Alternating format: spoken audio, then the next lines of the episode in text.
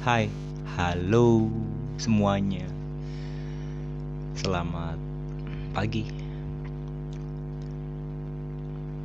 Ya kalau dengerinnya pagi, selamat pagi. Selamat siang, selamat sore, selamat malam. Selamat senja. Alhamdulillah. Sekarang jam 03 03 02 Jam 3 dini hari.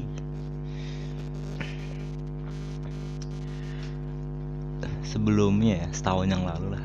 Itu dulu sekitar jam 11 atau jam Ya di atas jam 10 malam lah bikin podcast tuh. Jam 12 malam. Terus makin lama makin ke sini kok. Jadi jam 2, jam 3 Tapi ya sudahlah Oh ya, sekarang tanggal 1 1, 1 Juni 2022 itu tanggal merah katanya. Ya bener sih, tanggalnya warna merah, libur. Cuman ya kalau buat saya pribadi tanggal merah atau tanggal nggak merah ya sama aja. buat yang lagi liburan, selamat healing, healing healing kalau saya kerja. Kerja terus. Sampai kapan? Ya nggak tahu. Langsung aja. Sedikit tadi iklan. Uh, saya belum tidur. Kapan tidurnya? Ya pas tidur. Di workshop saya itu ya teman-teman kalau kalian mau tahu saya tulis saya kasih tulisan di papan tulis itu besar. Nggak terlalu besar sih. Saya pajang di depan pintu masuk. Sedang tidur. Tulisannya gitu sedang tidur.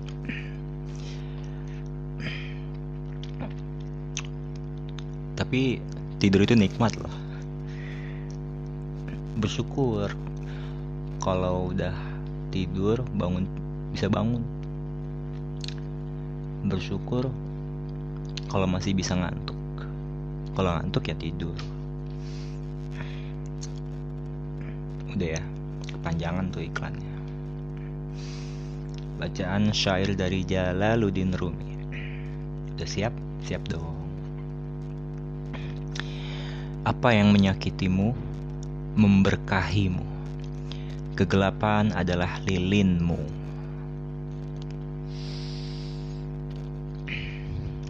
Apa yang menyakitimu, memberkahimu. Kegelapan adalah lilinmu. Yang saya baca sih di sini uh, huruf M ya atau kata ganti orang kedua kamu itu M kecil. Apa yang menyakitimu memberkahimu. Itu huruf M nya kecil. Nah kegelapan adalah lilinmu. Itu M nya huruf besar. Huruf kapital. Lilin strip M besar U. Lilinmu. Berarti ini merujuk kepada Sang Maha. Kepada Dia Sang Maha. Yaitu Tuhan alam semesta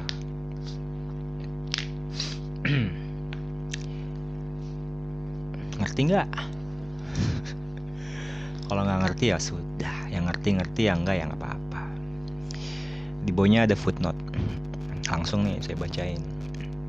Cobaan hidup mengungkap kebenaran. Wow.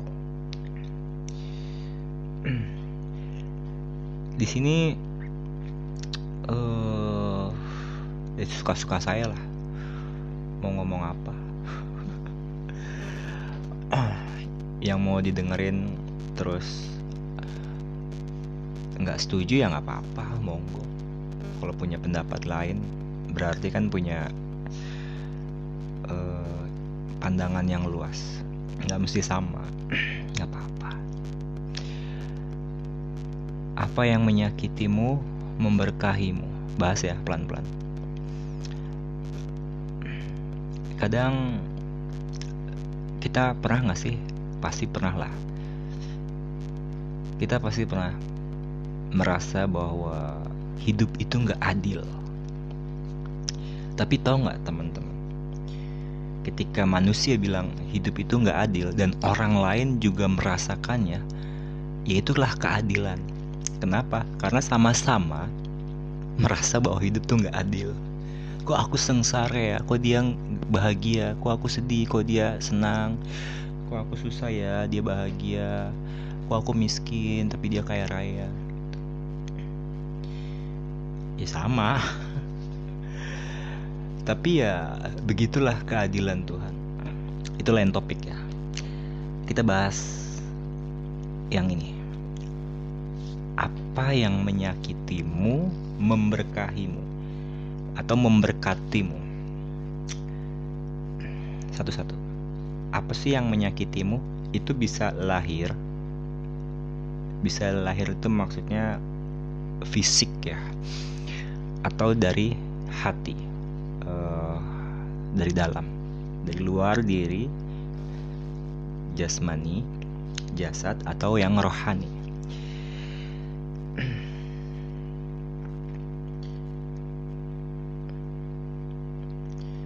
apa yang menyakitimu? Ya apa?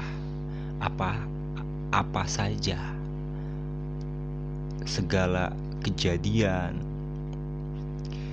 eh, tragedi pengalaman yang kita alami yang sudah berlalu. Terus kita merasa teraniaya, tersakiti, terzolimi ya pokoknya kita merasa disakiti. Jadi kesakitan itu itulah yang memberkahimu. Sebenarnya sih ini lebih pada bagaimana kita mengkonstruksi ya. Mengkonstruk itu bagaimana kita melihat dengan cara atau sudut pandang yang lain. Contoh kecelakaan jatuh duka lecet bahkan naik motor tabrakan dar aduh. Terus dibawa ke rumah sakit. Awalnya mungkin kita menggerutu mengeluh ah sial. Terus ketika diobatin tersirat di dalam relung hati dan pikiran kita bahwa bersyukur ya alhamdulillah untung saya masih hidup. Hmm, hebat tuh untung saya masih hidup. Alhamdulillah. Untung cuman lecet. Untung cuman kena sedikit gores luka. Kemudian dia ingat dengan Tuhan. Bersyukur. Dan yang tadinya dia berkeluh kesah itu justru menjadikan dia lebih dekat dengan Tuhannya. Ya itu ada tingkatannya sih ini sangat cocok ya dengan uh, filsafat stoik stoikisme atau filosofi teras. Saya sih termasuk uh, penganut stoik ya. Bahwa ya segala sesuatu itu bersifat netral. Dia nggak positif nggak negatif tergantung bagaimana kita mensikapinya itu. Ya itu tadi karena kita merasa dunia ini nggak adil terus kita tersakiti. Uh, sampai kita bilang wah nanti biar Tuhan yang balas. Atau karma. Padahal yang dia alami itu adalah hasil perbuatan dia sendiri. Yaitu bahwa kebaikan akan dibalas kebaikan. Dan keburukan juga akan dapat balasan atau ganjaran ya balasannya lah yang setimpal. Tapi ada sih beberapa contoh ya eh, orang-orang terdahulu tuh orang-orang kiai atau orang alim. Ketika dia di dijahatin sama orang dipukul dilemparin batu terus kiai itu kan orang alim ya dia malah mendoakan si orang yang menganiaya dia itu. Bahkan dia bilang makasih alhamdulillah. Terus dia mendoakan kebaikan. Muridnya bingung lah kiai kenapa? Kamu kan dipukulin dilemparin batu kok nggak dibalas? Terus kata dia ustadznya itu bilang oh saya bersyukur dan mendoakan dia karena dia telah melempari saya dengan batu muncul perasaan marah. Ketika dia ingin marah maka si kiai lebih memilih untuk bersabar. Dan karena dia bersabar si kiai dapat pahala. Jadi pahala kiai sabar. Jadi pahala sabar sang kiai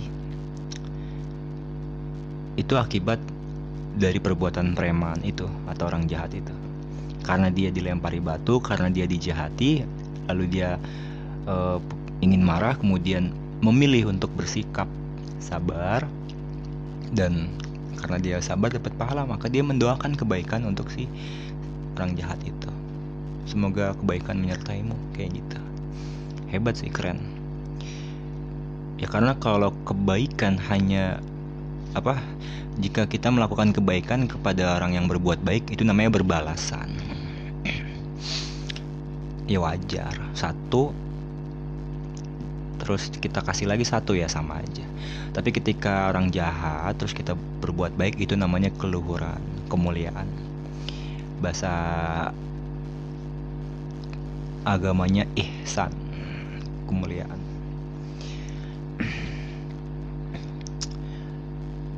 Berkah itu kan ya bagaimana kita ya itu tadi mengkonstruk bagaimana kita mensifati segala sesuatu kejadian menjadi penuh kesyukuran. Ya, tergantung ini sih apa yang kita rasa, apa yang kita yakini aja. Sama seperti kemarin. Itu yang kemarin tuh saya lupa, saya mau bilang the law of attraction. Hukum atraksi, the law of vibration, hukum getaran atau gaya tarik menarik ya, the law of gravitation. Jadi ya semesta itu berada dalam dirimu. Kayak gitu. Lalu mengapa kau bersedih? Lanjut. Apa yang menyakitimu memberkahimu. Kegelapan adalah lilinmu. Nah ini yang seru nih. Kegelapan. Lilin. Sebenarnya gelap itu ada nggak jika Tuhan diibaratkan dengan nur atau cahaya itu sendiri sebenarnya gelap itu nggak ada. Gelap itu adalah sebutan untuk kita. Gelap itu adalah ketiadaan cahaya. Ush. ya. Di ruangan yang dalam kamar ya kamar eh, untuk jadi ya kamar lah atau dalam rumah. Ketika malam datang, itu kan matahari udah nggak ada ya, gelap dong. Ada sih rembulan. Ya pokoknya gelap lah. Ketika malam datang, gelap pun tiba. Dalam rumah itu kita punya lampu. Tapi kalau lampunya dimatiin, ya gelap, gelap-gelapan. Jadi sebenarnya terang itu dari mana? Dari lampu atau dari listrik? Atau dari mana? Karena mata kita itu bisa melihat objek karena uh, karena mat kita bisa melihat objek atau benda itu karena adanya cahaya. Jika tiada cahaya kita tidak bisa melihat objek atau benda. Dan ketika siang pagi tiba itu saking banyaknya cahaya sinar yang datang kita tidak sadar. Bahwa yang kita lihat itu adalah cahaya sebenarnya. Cahaya yang menyinari objek. Nah kegelapan itu kan tadi ketiadaan cahaya. Nah di sini nih lilin itu kan sum, misalkan dalam ruangan nggak ada lampu nggak ada listrik yang ada hanya lilin dong. Lilinmu itu berarti cahaya Tuhan. Iya. Lilin itu kan kalau kita dalam keadaan emergency ya darurat tiba-tiba mati lampu. Jepret. Yang dicari apa? Lilin. Ruangan gelap kita nyalakan lilin. Cess, nyalain. Terang maka kelihatan kan. Uh, ini apa ya tidak bisa dilepas satu sama lain gelap ya pasangnya terang karena jika tidak ada gelap ya terang nggak akan ada dan kegelapan itu apa cahaya itu akan sangat bermanfaat di dalam ruangan yang gelap. Iya, bener. Kita nyalain senter kalau di siang hari buat apa? Jadi kita menggunakan senter itu ketika di ruangan yang gelap, di saat malam atau nggak ada penerangan lain. Jadi nyalain senter kayak gitu. Jadi ya satu-satunya sumber cahaya ya dari lilin itu dan kita bisa sangat dekat dengan lilin atau sang sumber itu pada saat dalam ruangan yang gelap. Wah, ini makin lama makin tinggi nih. Tapi ya, ya sudahlah.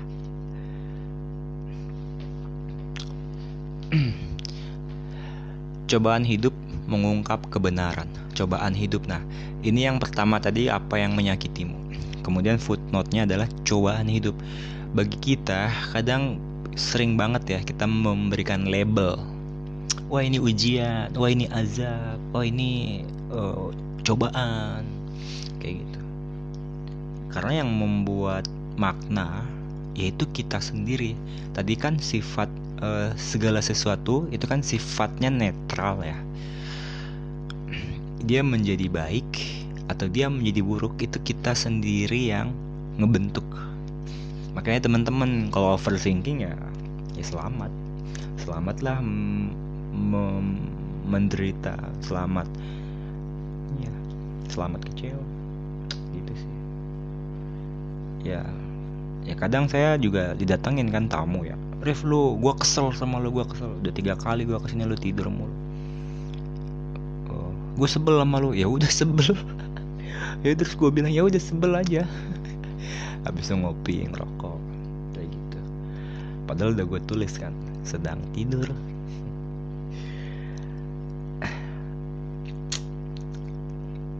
Cobaan hidup mengungkap kebenaran dan kebenaran itu sifatnya objektif dan relatif.